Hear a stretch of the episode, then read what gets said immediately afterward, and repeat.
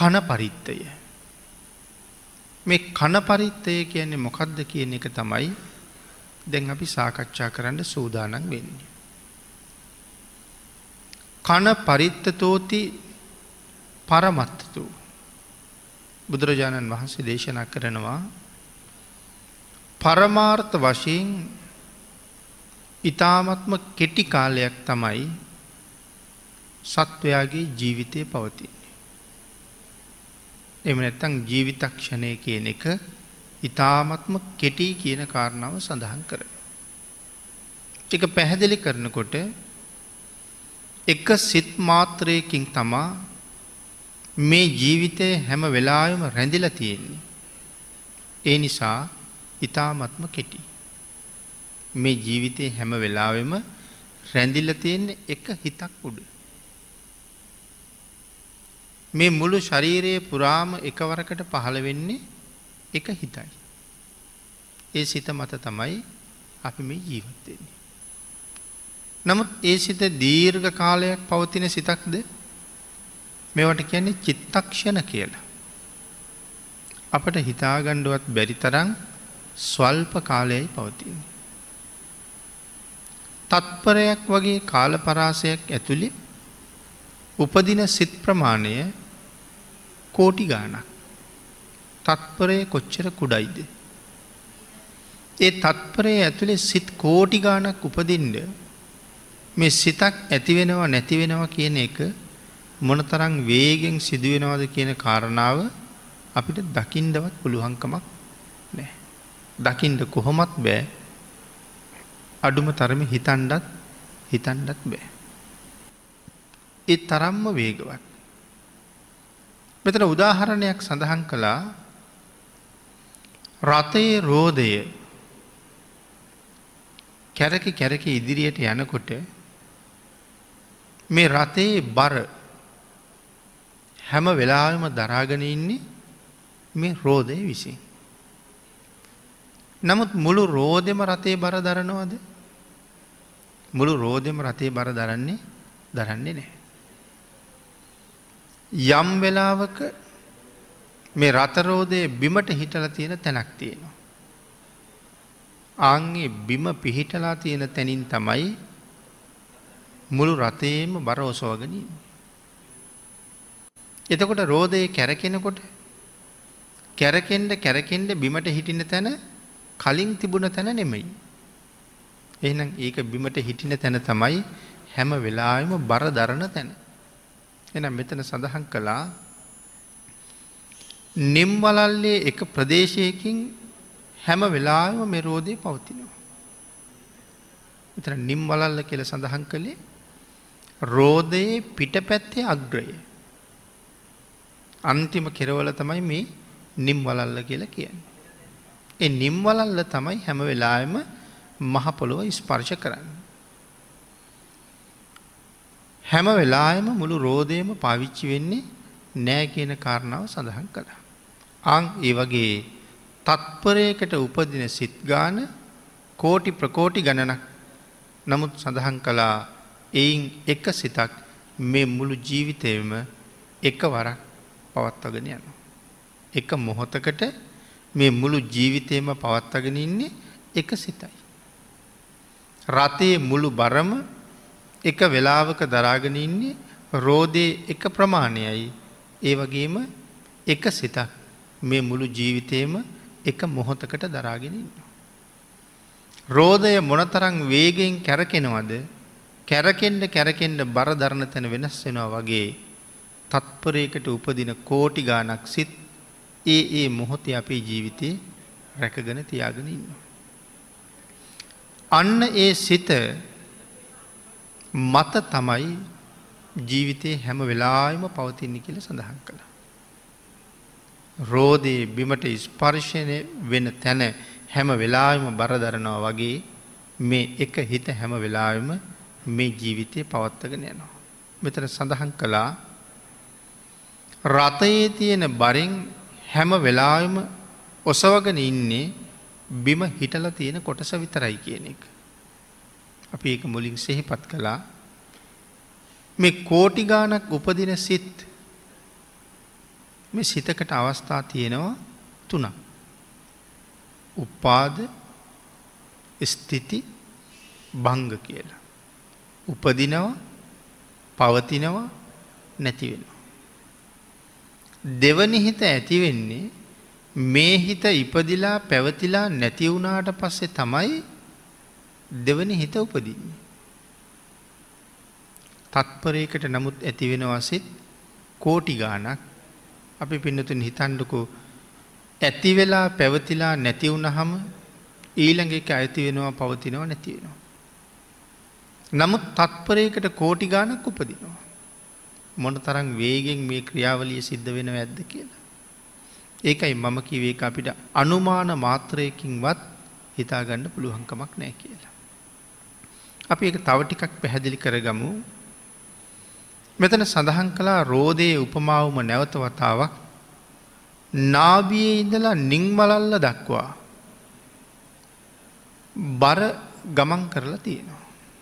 රතේ නාබිය කියල කියන්නේ රෝධය නාබිය කියන්නේ රෝධය මැද්ද. අපි කරත්තයක නම් දකිනවා ගරාදියක් තියෙනවා. එතකොට මෙතන නාබිය කියලකිව අපි බොස් ගෙඩිය කියල කතා කරන කොට සක්තියෙන. එතන ඉඳලා නිම්වලල්ල දක්වා ගමන් කරපු මේ ගරාදි කීපයක් කරත්තරෝධි තියෙනවා. සමහර වෙලාවක තවත් ඒ වගේ ගරාදි තියෙන තවරෝධ අපි දකිනවා. අර නාබියේ ඉඳලා මේ ගරාදිය තමයි නිම්වලල්ල දක්වා මේ බර අරංගිහිල්ල තියෙන. නමුත් වටේට තියෙන අනික් ගරාදිවලට කිසි බරක් බරක් නෑ හැබැයි රෝධ කැරකෙන්ට කැරකෙන්ට ගරාදියෙන් ගරාදියට බර බර වැටෙනවා. එන මෙතන සඳහන් කළා ඒව මේව ඒක චිත්තක්ක නිකං සත්තානං ජීවිතන් මෙන්න මේ වගේ සත්වයාගේ ජීවිතය හැම වෙලාම එක චිත්තක්ෂණයක් තමයි පවත්වන්නේ. මේ ජීවිතෙත් හැම වෙලාම පවත්වන්නේ එක චිත්තක්ෂණය. ඒ චිත්තක්ෂණය පැවතිලා නැතිවුණාට පස්සේ ජීවිතය පවත්වන දෙවනි චිත්තක්ෂණය උපදිනවා.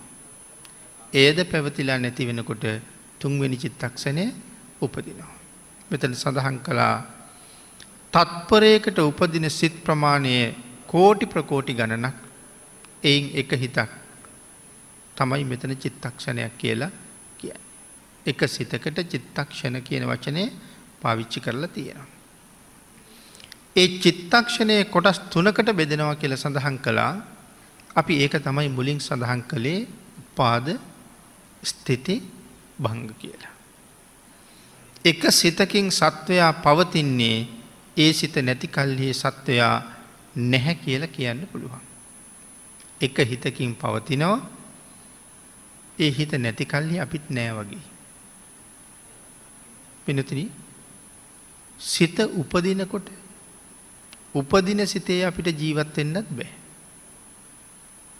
සිත නැතිවෙනකොට නැතිවෙන හිතේ ජීවත්වෙන්ටත් බෑ. හැම වෙලාම ඔය ජීවත්වෙන්නේ ඔබ මම අපි හැමෝම අර පවතින කොටසේ. උපදිනවා පවතිනවා නැතිවෙනවා. අපි මේ ඉන්නේ පවතින කොටසේ. සිත නැතිවෙනකොට සත්වයා නෑවගේ කියල සඳහන් කළේ අපි මැරෙනවා. නමුත් අපි තාම වාඩිවෙච්ච විදිහටම ඉන්නවා. ඇයි අපි බිම වැටුන්නේ නැත්තේ. ඊළඟ සිත ඒ තරම්ම වේගෙන් උපදිනවා. ඒකන කිවේ තත්පරයක් ඇතුළි කෝටි ගානක් කියලා. ඒ වේගෙන් උපදින ඊළඟ සිතෙත් පවතින කොටසක් තියෙන නිසා අපිට තේරෙන්නේ අපි එක දිගටම ඉන්නවාගේ කියලා. හැබැයි කවදහරි දවසක් එනවා පැවතිලා මේ සිත නැති වෙනවා ආය එතන සිත් උපදින්නේ උපදින්නේ නෑ. එහෙම වුණොත් අපිට තාමත් ඔය කොට්ටය උඩ ඉන්න පුළුවන් වෙයිද. ඉපදුනේ නැත්තං ඊළඟ සිත අපි ඔතන වැටෙනවා. ඒකට අපි කියනවා මැරුණ කියලා. මොන මරණය දේකට කියන්නේ සමුච්චේද මරණ. එතකොට දැම් මේ නිතර නිතර වෙන මරණයට මොකක්ද කියන්නේ මේකට තමයි කියන්නේ ෂණික මරණ කියලා. ඕක කනික මරණය කියලා හඳුන්වනවා. හැම මොහොත්තකම මැරෙනවා. නමුත් ඒක තේරෙන්නේ එක දිගට එක දිගට සිත් උපදින නිසා. දවසක උපදින්න ඇති වෙනවා.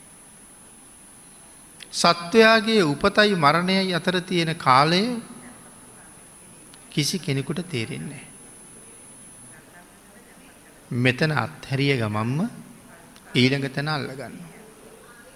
සාමාන්‍යයෙන් අර කූඩැල්ලෙකුගේ වගේ උපමාවක් දක්වලා තියෙනවා. නමුත් කූඩැල්ල මෙතන අත්හරින්නේ ඊළඟ තැන අල්ලන එක ඉතාම ප්‍රමාදයි. මැරෙන පුද්ගලයා ඊට වඩා වේගෙන් ඊළඟ තැන උපදිනවා.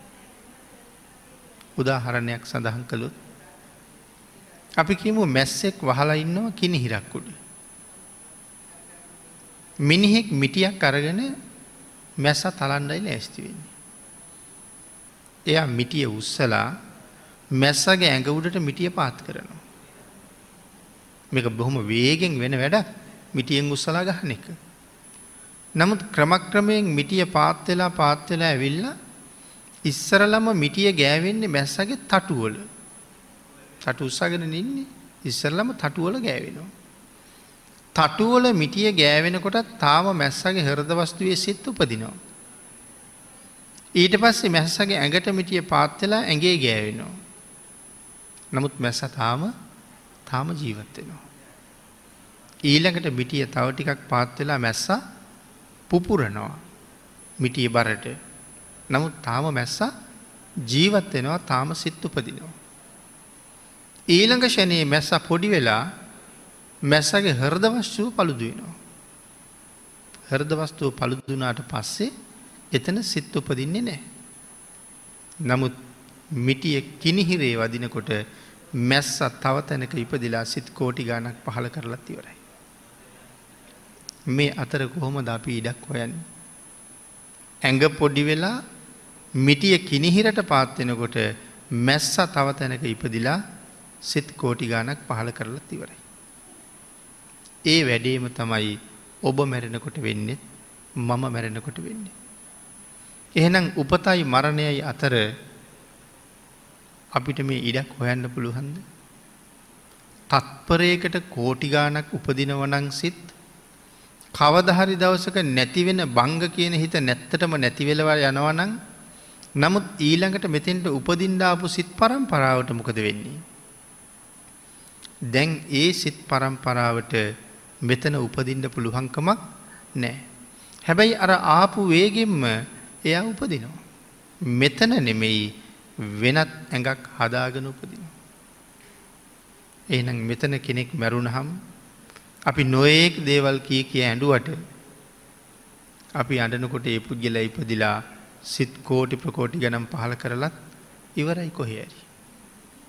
අපි මෙහි අඩනවා තාම අවබෝධයක් තේරුමක් මදිහින්ද. ජීවිතය කොයි තරං පුදුපද. එතකොට ඒවාගේ ෂණයක් මත තමයි හැම වෙලාම මේ ඉන්නේ. එහෙනම් ඕනෑම වෙලාවක මැරෙන්ඩ පුළුවන් කිය අපි කතා කරනවන්නේ. බැරි වෙලාවත් මේ නැතිවෙන තැන ඊළඟ සිත උපදුනේ නැත්තන් මේකට වෙන කාටවත් මොකවත් කරන්න පුළුවන්ද. වෙන කිසි දෙයක් කිසි කෙනෙකුට කරන්න කරන්න බෑ. ඒ තරං ෂණයක් මතයි මේ පවතින්නේ. ඒ ෂණය මත පවතිමින් තමයි මේ කරන්න පුළුවන් හැමදේම අපි කරන්න. ඒකයි භාගිතුන් වහස දේශනා කළේ මරණය ඉතාම ඉක්මන්. ඒක කොයි වෙලා වෙනවද කියලා අපිට කවදාවත් තීරණය කරන්න බැහැ. ඒක වෙන්ඩ කලින් වහවහා කුසල් දහම්වොල යෙදෙන එක තමයි කළ යුත්තේ. අපි මේ මරණ සතියදිත් මේ කාරණාව පැහැදිලි කළා අරක සූත්‍රයේ ටිකක් විස්තර කරපු තැන. මිනිහෙකුගේ හිසට ගිනි ඇවිලිලා. හිසට ගිනි ඇවුලුන හම කෞද ඒක නිමාගණ්ඩ යුහසුළු නොවෙන්නේ. නමුත් සඳහන් කළේ ඒ හිස ඔහේ ඇවිලිච්චාවි. මෙතෙක් කරගණ්ඩ බැරිවෙච්ච පිනක් තියෙනව නං ඒක කරගණ්ඩ කියලා. අරක ශාස්තෘවරය හැම සඳහන් කර.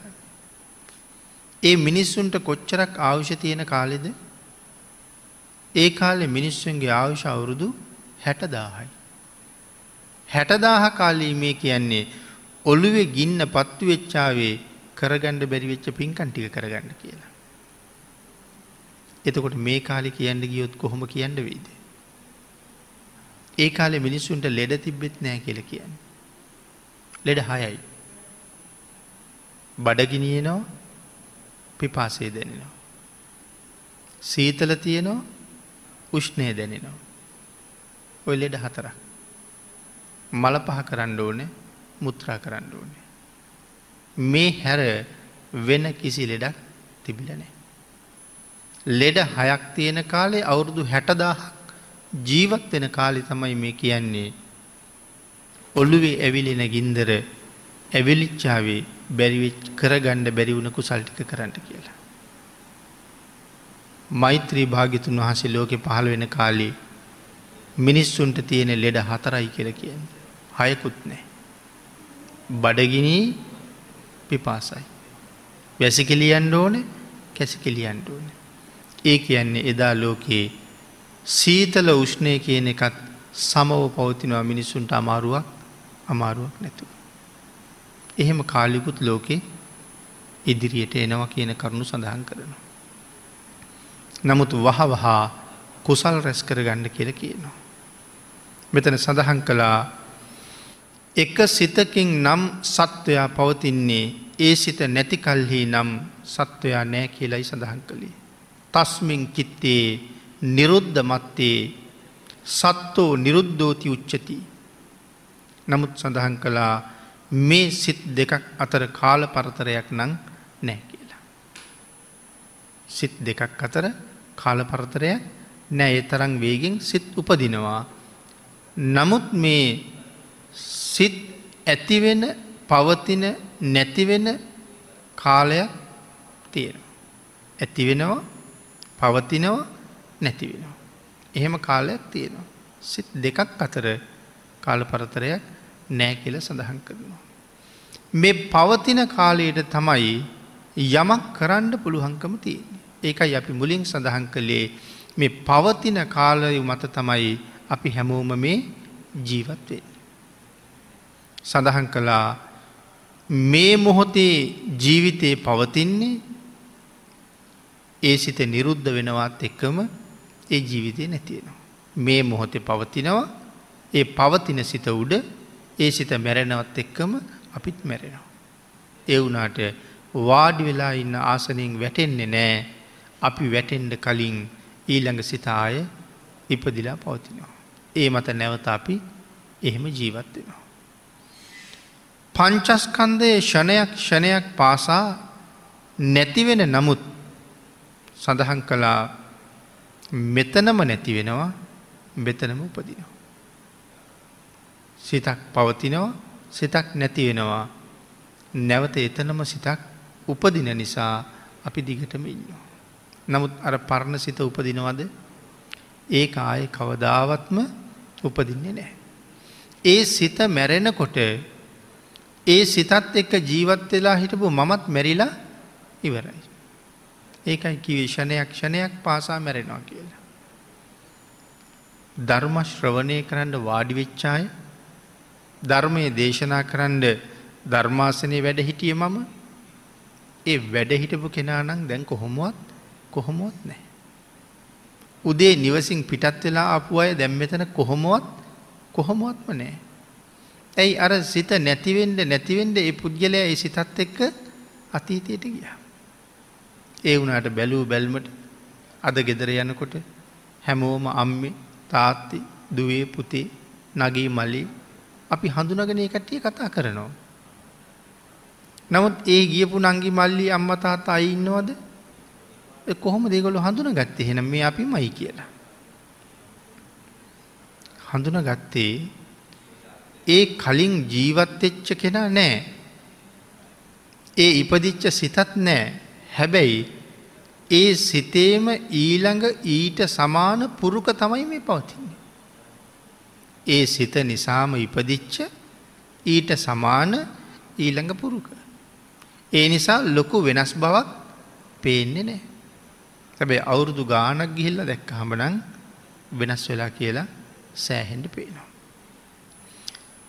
මෙතන සඳහන් කළා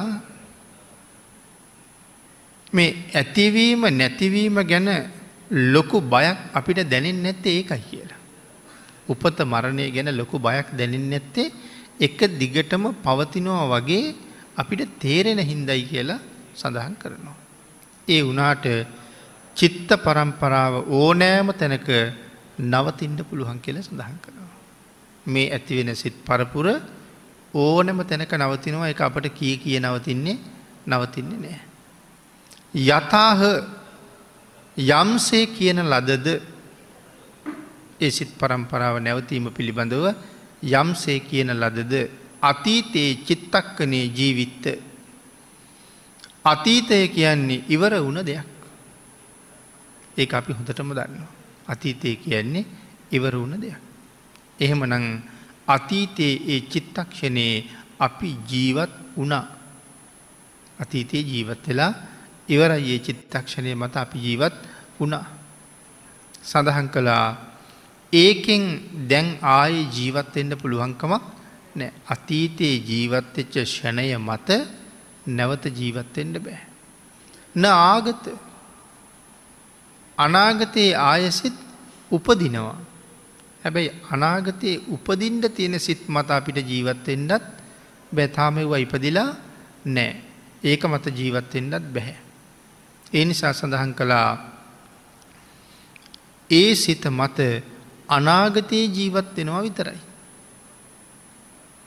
අනාගතයේ ඒ හිත මත අපට ජීවත්වෙන්න පුළුවන් නමුත් දැම්බෑ අතීතයේ ජීවත් වෙලා ඉවරයි.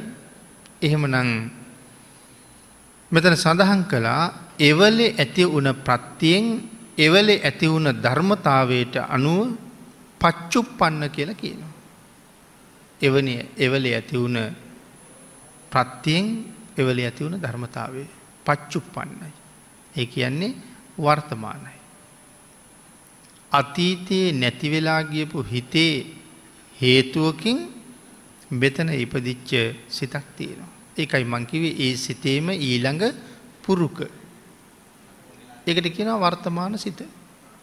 ඒ වර්තමාන සිතේ අපි දැන් ජීවත්වෙනවා. මේ කතා කරන මොහොතෙත් සිත් කෝටි ගානක් අතිහිතයට එකතු වෙලා ඉවරයි වර්තමානය වර්තමානය අපි ජීවත්වෙනවර අතීතයේ ඉපදිලා ඒ හිතේ ජීවත් වෙනවා අනාගතයට කියල කිවන අපි අනාගතය ඉපදිලා අනාගතයට ඒ හිතේ ජීවත්වෙනවා. ඒ අනාගතය ගැන කතා කරපු සිතුත් මේ වෙනකොට ඇති වෙලා ඒ මතත් අපි ජීවත් වෙලා ඉව්වත් අතීතයට ගිහිල්ල ගිහිල්ල ඉවරයි. නමුත් අනාගතයේ තවසිත් උපදිනවා ඒ සිත් මත අපි අනාගතයට ජීවත් වෙනවා. මෙතන සඳහන් කළා වර්තමාන කාලයේ එහිත් කලින් ජීවත් වනේ නෑ. වර්තමානය මත කලින් ජීවත් වනේ නෑ දැන් ජීවත් වෙනව විතරයි එයින් තව මොහොතකින් ජීවත් එන්නත් බෑ. මේ මොහොතේ ඉන්නවා තවත් මොහොතක ඒ මත ජීවත්වෙන්න බෑ. ඉතාම සිවුම් කොටසක්. එතකොට මෙතන සඳහන් කරනවා මෙ චිත්තක්ෂණ චිත්තක්ෂණ වර්තමානයේ ඇතිවෙමින් ඇතිවෙමින් අපේ ජීවිතය රැකල දෙනවා. වර්තමානයේ චිත්තක්ෂණ උපදිමින් උපදිමින් ජීවිතය රැකල දෙනවා. බැරි වෙලාවත් ඉපදුනේ නැත්තං වැටෙනවා. ඒ වැටෙන්නේ මැරි ළමයි. වැටෙන්ඩ දෙන්න නැතුව මේ චිත්තක්ෂණ ඉපදී ඉපදී ඉපදී ඉපදී අපිව රකිනවා. අපි සමහර වෙලාවට ඔය බලු වැල් දැල්ලෙනවා අපි දැකල තියෙනවා. අපි සමහරලට රැස්වලලු වගේ දේවල් දකින්න. සමහර රැස්වලලු තියෙනවා මුලින් පටන්ගත්ත හම අර වතුර ගලනවා වගේ එක දිගටම දැල්වෙමින් දැල්වෙමින් දැල්වෙමින් දැල්වෙමින් යනවා. නමුත් අර මුලින්ම දැල්ලුන බුබුල නිමිලා ඊළඟ එකට යනකොට ඒක දෙවනි බුබුලට මාරු වෙන්න කලින් පළවෙනි එක ආපහු ආපහු දැල්වෙනවා. ආන් ඒ නිසා ඉවරයක් නැතුව මේක ගලාගෙන යනවා වගේ අපිට තේරෙනවා. ඒ වගේ තම අපේ සිතුත් ඉවරයක් නැතුව ගලාගෙන නවා ගලාගෙන යන ඉවරයක් නැතුව ගලාගෙන නවා ගලාගෙන යනවා. රතේ රෝධය බිමට හිටපු තැන බර දැරුව වගේ මේ වර්තමානය උපදින හිත හැම වෙලාම අපිව පවත්තගෙන යනවා ජීවිතේ රැකල දෙනවා. සඳහන් කලා ඒ සිත්වලට උපදින්ට ආධාරක වෙන රූප මේ ඇගේ තියෙනවා. සිත් මැරුණට රූපය ඒ තරන් වේගෙන් මැරෙන්නේ මැරෙන්නේ නෑ. සමහර රූප සිත් එක්කම ඇති වෙලා සිත් එක්කම නැති වෙලා යනවා. නමුත් සමහර රූප චිත්තක්ෂණ දාහතක ආයුෂාරගෙන ඉපදිලා තියෙන. ඒ නිසා ඒ රූප පවතිනවා සිත්වලට උපදින්ට ආධාරක වෙන රූප මේ ඇගේම පවතිනවා ඒ මත හැමවෙලාම සිත් උපදිනව කියන කාරණාව සඳහන් කළා. අන්න එහෙම විශේෂ ක්‍රියාදාමයක් නියමිත ආකාරයට මේ ඇගේ එක දිගට ක්‍රියාත්මක වෙන නිසා අපි ඒකට කියනවා ක්‍රියාදාමයක් කියලා. එක දිගටම සිද්ධ වෙන නිසා ක්‍රියාදාමයක් කියලා අපි ඒකට කියනවා. එහෙම නැත්තං ක්‍රියාවලියක් කියලා අපි කියන. අන්න එය මනාව අවබෝධ කරවන්ඩ මේ ලෝකෙ යම් දහමක් තිබුණන මේ ටික අපිට මනාව අවබෝධ කරවපු කියල දුන්න එකම දහම තමයි බුද්ධහගම කියල කිය. බුද්ධහගම මනාව ඉගෙන ගණ්ඩ ඉගෙන ගණ්ඩ මේ හැම දෙයක්ම මනාව මනාව වැටහෙනවා. හැබැයි මේක මනාව වැටහෙන්ඩ පටන්ගත්ත දවසට මේ අනික් සියල්ලම අපින් අත්හැරෙන. මනුස්්‍යයන්ගේ විතරද මේ ඉපදීම නැතිවීම මේ තරන් වේගෙන් වෙන්නේ. මේ මේසට වෙන්නෙත් ඒකමයි මේ ගොඩනැගිල්ලට වෙන්නෙත් ඒකමයි මේ බිත්තිවලට වෙන්නෙත් ඒකමයි එක දිගටම මේ ක්‍රියාවලිය මුළු විශ්වයේම සිද්ධ වෙන. නමුත් අපිට දැනෙන්න දේ මේ බිත්තියට දැනෙන්නේ නෑ. එමොකක් නිසාද.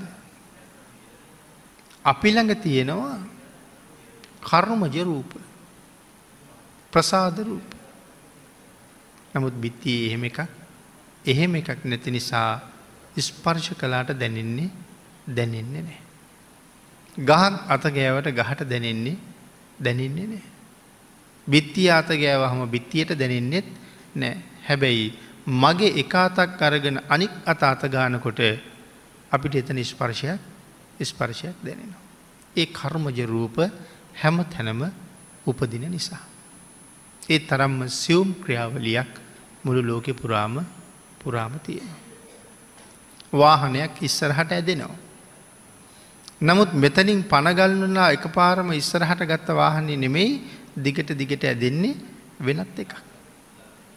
මේක තේරුම් ගන්න පුළුවන්කම තියෙන්නේ විදර්ශනාවෙන් විතරයි. විදර්ශනාවක් නැති කෙනෙකුට මේ කාරණාව සමහරලට කොහොමත් වැටහෙන්නේ වැටහෙන්නේ නෑ.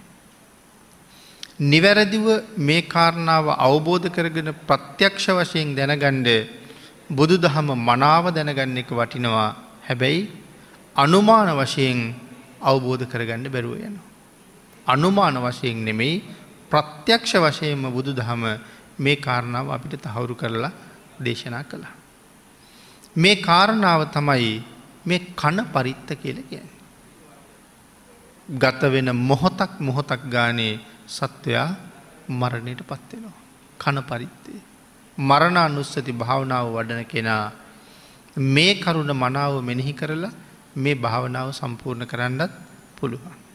මේක මනාව සම්පූර්ණ කරගණ්ඩ පුළුවන් නං මේ ඔස්සේ මනාව මරණ සතිය දියුණු කරගෙන තියෙනවා නං ඔහු අතින් පාපයට යොමු වෙන ස්වභාවයකුත් නෑ ඔහු මරණය කියන ධර්මතාවය පිළිබඳව කිසි බයකුත් නෑ ලෝකය පිළිබඳව ඔහුට ලොකු ඇලීමකුත් නෑ මොකද සියල්ල මනාව මරණයත් එක්ක වටහගෙන කටයුතු කරනවා. මේ ෂණයෙහි තියෙන කුඩා බව හඳුනා ගැනීම තමා කණ පරිත්තය කිය. ෂණය චිත්තක්ෂණය කොයි තරං කෙටීද කියන එක අවබෝධ කිරීම.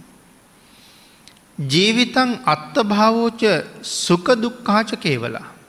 මේ ජීවිතය සැප දුක කියලා අපි සඳහන් කළත් මේ සැප දුක දෙකේම කෙරවල. ඒක චිත්ත සමායුත්තා. ආයුෂයේ රැකගෙන එන්නේ එක චිත්තක්ෂණයක් පමණයි. අපි ඒ කාරණාව දිගටම කතා කළා එහෙනම් මේ අපි විඳින දුකතියෙන්නෙත් එක චිත්තක්ෂණය. අපි විඳින සැපතියෙන්නෙත් එක චිත්තක්ෂණයයි. ඒ චිත්තක්ෂණය ඉවර වෙනකොට ඒ දුකයි සැපයි දෙකම ඉවරයි. නමුත් තාම දුක දිගට පවතිනවා වගේ තේරෙන්නේ අර පරණ එකේ ඊළඟ පුරුක තමයි මෙතන ඉපදිලා තිය. ඒ නිසා අපිට තියෙන්නේ දුක සෑහෙන කාලයක් එක දිගට අපි ළඟ තියෙනවා වගේ දැනෙනවා. නමුත් චිත්තක්ෂණයක් ගානේ ඒක ඉවර වෙලා ඉවර වෙලා ගිහිල්ල. අම්ම මැරුණ නිසා ඇතිවෙච්ච දරාගණ්ඩ බැරි දුක මාස ගානක් යනකොට සාමාන්‍ය තත්ත්වයට පත්වෙනවා. චිත්තක්ෂණයක් චිත්තක්ෂණයක් ගානෙ දැනගනිමින් මයි මේ දුක සැප දෙකම උපදින්න කියන කාරණාව ඒ නිසා සඳහන් කළා. එතකොට අපේ ජීවිතයත් සැප හා දුක කියන ධර්මතාවයනුත් වර්තමානයේ රඳා පවතින්නේ එකම සිතක් මත බව පැහැදිලි කළා. ලහුසෝ වත්තනෝ කනු මේ ෂණය කියන කාරණාව වෙනස් වෙමින් වෙනස් වෙමින් ඉතාම සීග්‍රයෙන් ඒ නිරුද්ධා මරන්තස්ස තිට්ට මානස්සවායිද අපි මේ සාකච්ඡා කරනවා කියල සඳහන් කළේ විශුද්ධි මාර්ගයේ සඳහන් කරලා තියෙන කොටස තමයි විශේෂයෙන් මරණ සතිය නමින් සාකච්ඡා කරගෙන ආවි. යම් පුද්ගලයෙක් මැරෙද්දි හෝ ජීවත්තෙද්දි. සබ්බේපි සදිසා කන්දා ඒ දෙදෙනගේම පංචස්කන්ද සමානයි. ජීවත් වෙද්දි හෝ මැරෙද්දි. ජීවත් වෙන කෙනාගෙත් මැරෙන කෙනාගෙත් පංචස්කන්ද සමානයි කියල සඳහන් කරනවා. වර්තමානයේ පවතින්නේ පංචස්කන්දය අතීතයට යනවා. මේ වර්තමානයේ තියෙන පංචස්කන්දය අතීතයට යනවා. නැවත කවදාවත්ම ඒ පංචස්කන්දය අපිට ලැබෙන්නේ ලැබෙන්නේ නෑ. අන්න ඒ කාරණාවෙන් මරණයට පත්වෙන පුද්ගලයාත් ජීවත් වෙන පුද්ගලයාත් සමානයි කියල කියන. ඒ කාරණාව තේරුණාද ෂණයක් ෂණයක් පාසා පුද්ගලයෙක් මැරෙනවා. ෂණයක් ෂණයක් පාසා මේ පංචස්කන්දය අතීතයට යනවා. යම් දවසක ඔහු සදහටම මැරෙනවා. ඒ පංචස්කන්දයත් අතීතයට යනවා. ෂණයක් ෂණයක් පාසා ගියා ඊට පස්සේ අපි මේ කතා කරන සම්මුති මරණයේදී සදහට මොහු මැරිල මැරිල ගිය. ඒ නිසා මෙතන සඳහන් කළා ඒ කාරණාවෙන් මරණයට පත්වෙන පුද්ගලයක් ජීවත් වෙන පුද්ගලයක් සමානයි. මොහු ජීවත් වෙනවා කියනෙත් මොහොතක් ගාන මැරෙනවා. ඒ මොහොතක් ගාන මැරි මැරි හිටපු මිනිහා දිගටම මැරිලා ඉවර වෙලා. ඒ කාරණාව තවටිකක් පැහැදිලි කළා චිත්තක්ෂණයකද ඇතිවෙන සිත තමයි මේ විඤ්ඥානාස්කන්දෙහි ඇතිවෙන වත්මන් නියෝජනය කියල සඳහන් කළා. චිත්තක්ෂණයේ ඇතිවෙන සිත විඤ්ඥානාස්කන්දයෙහි වර්තමාන නියෝජිතය. ඒ සිත තමයි සඳහන් කළා ඒ වෙනුවෙන් හැම වෙලාම පෙනී හිටින්. අන්න ඒ සිතේ තියෙන චෛතසිකවලට තමා වේදනා සංඥා සංකාර කියල කිය. හිතේ තියෙන චෛතසික. මොනවද මේ චිත්ත චෛතසික කියල ඇතකොට කියන්නේ. චිත්ත චෛතසික. සිත සහ චෛතසික කියල කියන්නේ සිතුවිලි සිත එකක් සිතුවිලි තව එකක් චිත්ත චෛතසික. සඳහන් කලා සිතත් එක්කම උපදින යම් ශක්තිීන් ප්‍රමාණයක් තියෙනවා. හැම හිතක් එක්කම උපදින යම් කිසි ශක්ති ප්‍රමාණයක් තියෙනවා. ඒවට අපි පාලියෙන් කියන්නේ චේතසික කියලා. සිතත් එක්ක උපදින ශක්තිීන්ට පාලියෙන් කියනව චේතසික කියලා. ඒ ශක්තියට සිංහලෙන් කියනවා චෛතසික කියලා. චේතසික චෛතසික. නං දෙකයි එකම කාරණාවයි. සඳහන් කලා ඒ වගේම තියෙන විශේෂත්වයක් තියෙනවා මේ කරුණුවල. මොකක්ද ඒකුප්පාද ඒක නිරෝධ ඒකවත්තුක ඒකා ලම්බට. එහෙම සඳහන් කළේ සිතත් එක්කම උපදිනවා. මෙ චෛතසික සිතත් එක්කම උපදිනවා. සිත නැතිවෙනකොට නැතිවෙනවා. ඒක උපාද එකට උපදිනවා ඒක නිරෝධ එකටම නැතිවෙනවා. සිත උපදින තැනම උපදිනවා. එනිසා සඳහන් කළා ඒක වත්තුකයි. සිත උපදින තැනම උපදිනවා. ඊළඟට සඳහන් කළා සිත ගන්න අරමුණම ගන්නවා. ඒකා ලම්බනයි. සිත එක්කම උපදිනවා සිත ගන්න අරමුණම ගන්නවා. මෙන්න මේ ස්කන්ද හතරම නිරූපණය වෙන්නේ මෙන්න මේ සිත සහ චෛතසිකවලි. ඊට අමතරෝ පින්නතන මෙතන සඳහන් කරනවා අපි මුලින් පැහැදිලි කලා මේ බිත්ති ගෙවල් ගස්කොලං යානවාහන්න මේ හැම දෙයක් ළඟම තියෙන්නේ ඔය ටිකම තමයි. ඇතිවීම නැතිවීම කියන එක ඒ වගේම තමයි. විශේෂයෙන් පංචස්කන්දයට ගන්නේ මේ ශරීරයේ තියෙන රූප කොටස්. පංචස්කන්දයට ගන්නේ ශරීරයේ තියෙන රූප කොටස් ටික.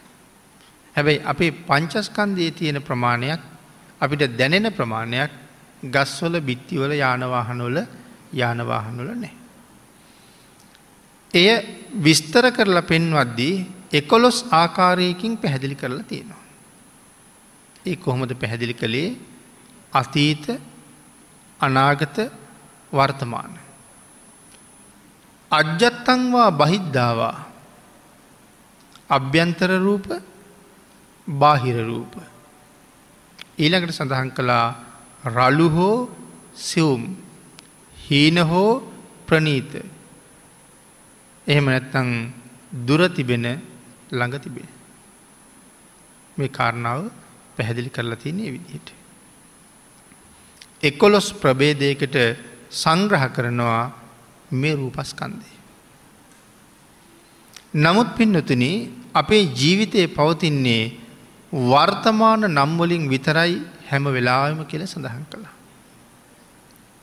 වත්මන් කොටස විතරයි හැම වෙලාම පවතින්නේ වත්මං රූපය උඩ හැම වෙලාම ජීවිතය පවතිනවා. ඇතිවෙන සිත ඒ සමගම ඇතිවෙනවා. ඇතිවෙන සිත ඒ සමගම ඇතිවෙනවා කියල සඳහන් කළේ මෙන්න මේ වර්තමානයේ ඇතිවෙන ධර්මතාව මත එකතුවට තමයි නැතන් වර්තමානය පවතින ධර්මතාවල එකතුවට තමා මෙතන ජීවිතය කියල කියන්නේ සැප ඇති වෙලාවට සැපයි දුක ඇති වෙලාවට දුකයි. ඒ ටික තියෙන්නේ ඉතාමත්ම කෙටි කාලයයි. තාමත්ම ෂණයයි. මේ මොහොතේ විතරයි. දුකයි සැපයි දෙකම මේ මොහොතෙම ඉවරයි. ඊට සමානව සිත් පහළ වුණ නිසා ආයෙත් ඒ වගේම ඒ වගේම දැනුන කියන කාරණාව අපි මුලිනුත් සිහිපත් කළා. නමුත් ෂණයක් ෂණයක් පාසා ඇතිවෙන නැතිවෙන මේ සිත චිත්තක්ෂණයක් චිත්තක්ෂණයක් ගානේ අතීතයට ගිය ගමන් එහි නැවත ඉපදීමක් නං ඇත්තේම නෑ. ඒ සිත්වලා අයුපතක් ඇත්තෙම නෑ ඒ සිතෙහි හා ඒ පැවතුන රූපයෙහි ඊළඟ පුරුක තමයි අපිට නැවත නැවත හම්බ වෙලා තියෙන. ඊට අනුරූප ඊළඟ පුරුක නැවත නැවත හම්බෙන නිසා අපිට එක වගේ කියලා හිතෙනවා. මෙන්න මේ සිතයි සිතුවිලි රූපයයි එක මොහොත්තකදි හමු වෙලා නිරුද්ධ වෙලා යනවා නැවත කවදාවත් ඒ හමුවෙච්ච සිතයි රූපයයි හම්බ වෙන්නේ හම්බ වෙන්නේ නෑ කියන කාරණාව සඳහන් කළා. ඒ නිසා ඊළඟට හමුවෙන්නේ ඒ සිතයි සිතුවෙලි රූපයයි. ඒ නිසා හතගත්ත ඊට සමාන අපි හිතන තවත් ධර්මතා ප්‍රමාණය. ඊට සමානයි වෙනත් ධර්මතා ප්‍රමාණය. නමුත් මුල් ධර්මතාවයන්ගෙන් සදහටම වෙන් වෙලා වෙන් වෙලා ඉවරයි. මෙහෙම බලහම ජීවිතයේ මහපුදුම සංකීර්ණයි. විශ්වය පවතින හැටි මහපුදුම සංකීර්ණයි. මේ සාකච්ඡා කරන කොටසත් ඉතාම ගැඹුරුයි නැවත නැවත මේ කාරණාව මෙනෙහි කරලා කල්පනා කරන්න ගත්තොත් අපිට යම් ප්‍රමාණයකට අවබෝධ කරන්න පුළුවන් හොඳ විදර්ශනාවක් දියුණු වෙලා නං ඔහු මේ ටික මනාව දකිනවා හැබැයි පින්නතුන මේක දකිින්ට පටන්ගත්ත දවසට මේ ලෝකෙ හරි විචිත්‍රයි. ලෝකෙ ලස්සන දකිනවා හැබැයි ඇලෙන්නේ ඇලෙන්නේ නෑ. මහරහතන් වහන්සේ දැකපු ස්වභාව ධර්මය ලස්සන. ලොවතුරා බුදුරජාණන් වහන්සේ දැකපු මේ ස්වභාවේ තිබුච්ච ලස්සන. පංචකාමයෙන් පිරිච්ච ඇස්තේන අපිට කවදාවත්ම දකිින්ඩ දකිින්ඩ බෑ. යමකින් ඈත්තෙන්ට ඈත්තෙන්ට තමයි එක ලස්සන දකින්න පුළුවන්. හැබැයි රාගයෙන් බලනවට වඩා දවේශයෙන් බලනවට වඩා මෝහයෙන් බලනවට වඩා එක අත්හැරල එක දිහා බලන කෙනා එහි දකින්නේ පුදුම පුදුම සුන්දරත්වය. මහරහතන් වහන්සේලා විවේකෙන් තමන් ලෝකෙ දිහා දැකපු ලස්සන වෙනම වර්ණනා කරලා තියෙන. ඒ ලස්සන අපිට දකිින්ට බැරි තව මමය මාගේය කියලා මේ පංචස්කන්දයේ පටන් අනිත් සියල්ලම අල්ලගෙන ඉන්න නිසා. මමය මාගේ කියන මමත්වයෙන් ගැලවෙන්ඩ ගැලවෙන්ඩ පුදුම නිදහසක් ඒ නිදහසත් එක්ක මෙහි තියෙන ලස්සන මනාව වැටහෙන්ඩ පටන් ගන්න. මේ කාරණා ටිකත් අපිට ටික් ගැඹුරුයි කියල දැනෙන්නේ තාම ඒ ගැලවීම අපිළඟ හරියටම හරියටම නැති හින්ද. නමුත් ඕක දකිින්ඩ දකිින්ඩ පුදු මාසාාවක් ඇතියෙන. ඒක යමෙකුගේ විදර්ශනාව මනාව වැඩෙන්ඩ වැඩෙන්ඩ ඔහු ඒ භාවනාවට ඒ තරම්ම කැමති. විදර්ශනාවෙන් ලෝකෙ දිහා බලන්ඩ එච්චර එච්චර කැමති ඒ තුළ තියෙන අපූරුවත්වය නිසා. ඒමනම් පිඩතුන මේ චුති චිත්තයේ දීත් අපට ඇතිවෙන්නේ මෙයම තමයි කියල සඳහන් කළා. එකුමක්ද මුල් ධර්මතාවයන්ගෙන් සදහටම අපි වෙන් වෙනවා චුතිචිත්තයේදී ඇතිවෙන්නෙත් මුල් ධර්මතාවයෙන් සදහටම වෙන් වෙලා මෙතන අතහැරිලා මෙතනින් යන්ඩම යනවා. මෙතන සඳහන් කළා ඊළඟ ප්‍රතිසන්ධි චිත්තය උපදින්නේ එතනම ප්‍රතිසන්ධි චිත්තය උපදිනවා. චුතිය මෙතනින් ඉවර වෙනකොට ප්‍රතිසන්දිය ඊළඟට පහළ වෙනවා. ඉතාමත්ම කලාතුරකින් ඒ සිදුවීම සිද්ධ වෙන්න පුළුවන් කියල සඳහන් කළේ මොන සිදුවීමද මෙ චිත්තය උපදින්නේ එතනම එතනම චිත්තය උපදිනවා කියල කරුණු සඳහන් කරහම පැහැදිලි කළා මේ එතනම උපදින කෙනා අපි එතනම මැරුණ කියල කියන මැරුණ එතනම උපදිනවා. අර සිත් පවතිනවා ඇතිවෙනවා පවතිනවා නැතිවෙනවා. අපි මැස්සගේ උපමාවෙන් කිව්ව මිටිය කිනිහිරේ වදිනකොට මැස්ස සිත් ගානක් පහල කරලා ඉවරයි. කලාතුරකින් මනුසල මේ ලෝකෙත් එහෙම උපදින අවස්ථා දකිනවා. හොඳ මුදාහරණය කවුද සක්‍ර දේවේන්දරයන් වහන්සේ. එක අවස්ථාවක තමන්ගේ මරණය ඉතාම ළඟයි. වෙන කරන්න දෙයක් නැති නිසා මතක් වෙනවා බුදුරජාණන් වහන්සේ. බුදුරජාණන් වහන්සේ ගාවට ගියොත් නං මට අය දීර්ඝ කාලයකට මේ සක්‍ර සම්පත්තිය ලබන්ඩ පුළුවන් වෙයි කියලා හිතෙන. මුණ ගැහෙන්ඩ යනවා. මේ වෙලා තමයි බුදුරජාණන් වහසේ සක්ක පඥ්ඥ කියන සූත්‍රය දේශනා කරන්න. තැන් සක්‍ර දේවයෙන් දෑන්ගේ ආයුෂ පිරිහෙමින් නෙමෙතෙන්ටාවේ බණ අහහා ඉන්න ගමන් සක් දෙවිඳු බැරෙනවා. මැරෙන ගමන් සක් දෙමිදු ආය එතන උපදිනවා. බලන්න කාලයකොයි තරම් කුඩාද කියලා අපි ඉස්සල කතා කරලා තිබ්බනි. මරණය යුපතයි අතර කාලයක් නැති තරම් කියලා. සක් දෙවිඳු එතනම මැරුණ එතනම චුත වුණා එතනම ඉපදුනා. සක්‍ර දේවේන්දරය මැරුණ කියල දන්නේ බුදුරජාණන් වහන්සේ සක් දෙවිඳු විතරයි. ළඟ ඉන්න කවුරුවත් දන්නේ නෑ. හැබැයි අපි මෙතන මැරුණ හම බෙතනම උපදිනවා කියල කතාවක් කතාවක් නෑ. මැරෙන්නේ මෙහෙ උපදින්නේ සක්කොලවල් කෝටි ගණක් එහා පැති තැනක වෙන්ඩ පුළුවන්. කලාතුරකින් මේ සක්‍ර දේවේන්ද්‍රයාගේ උපතවාගේ දෙයක් වෙන්නත් වෙන්නත් පුළුවන්. මේ කරුණු අභි ධර්මය තමයි ගැඹුරින් විස්තර කරන නමුත් කනික මරණ කන පරිත් ෂණයක් ක්ෂණයක් පාසා වෙන මරණය ගැන පැහැදිලි කරලා තියෙන හැටි. දේශනාව නැවත නැවත අහනකොට කරුණු ඔබට හොඳට වැටහි කියල කල්පනා කරනවා. එමනං ධර්ම දේශනාවට තියෙන කාලය දැනට ඉවර වෙලා තියෙන නිසා මේ විදිහට නිමා කරනවා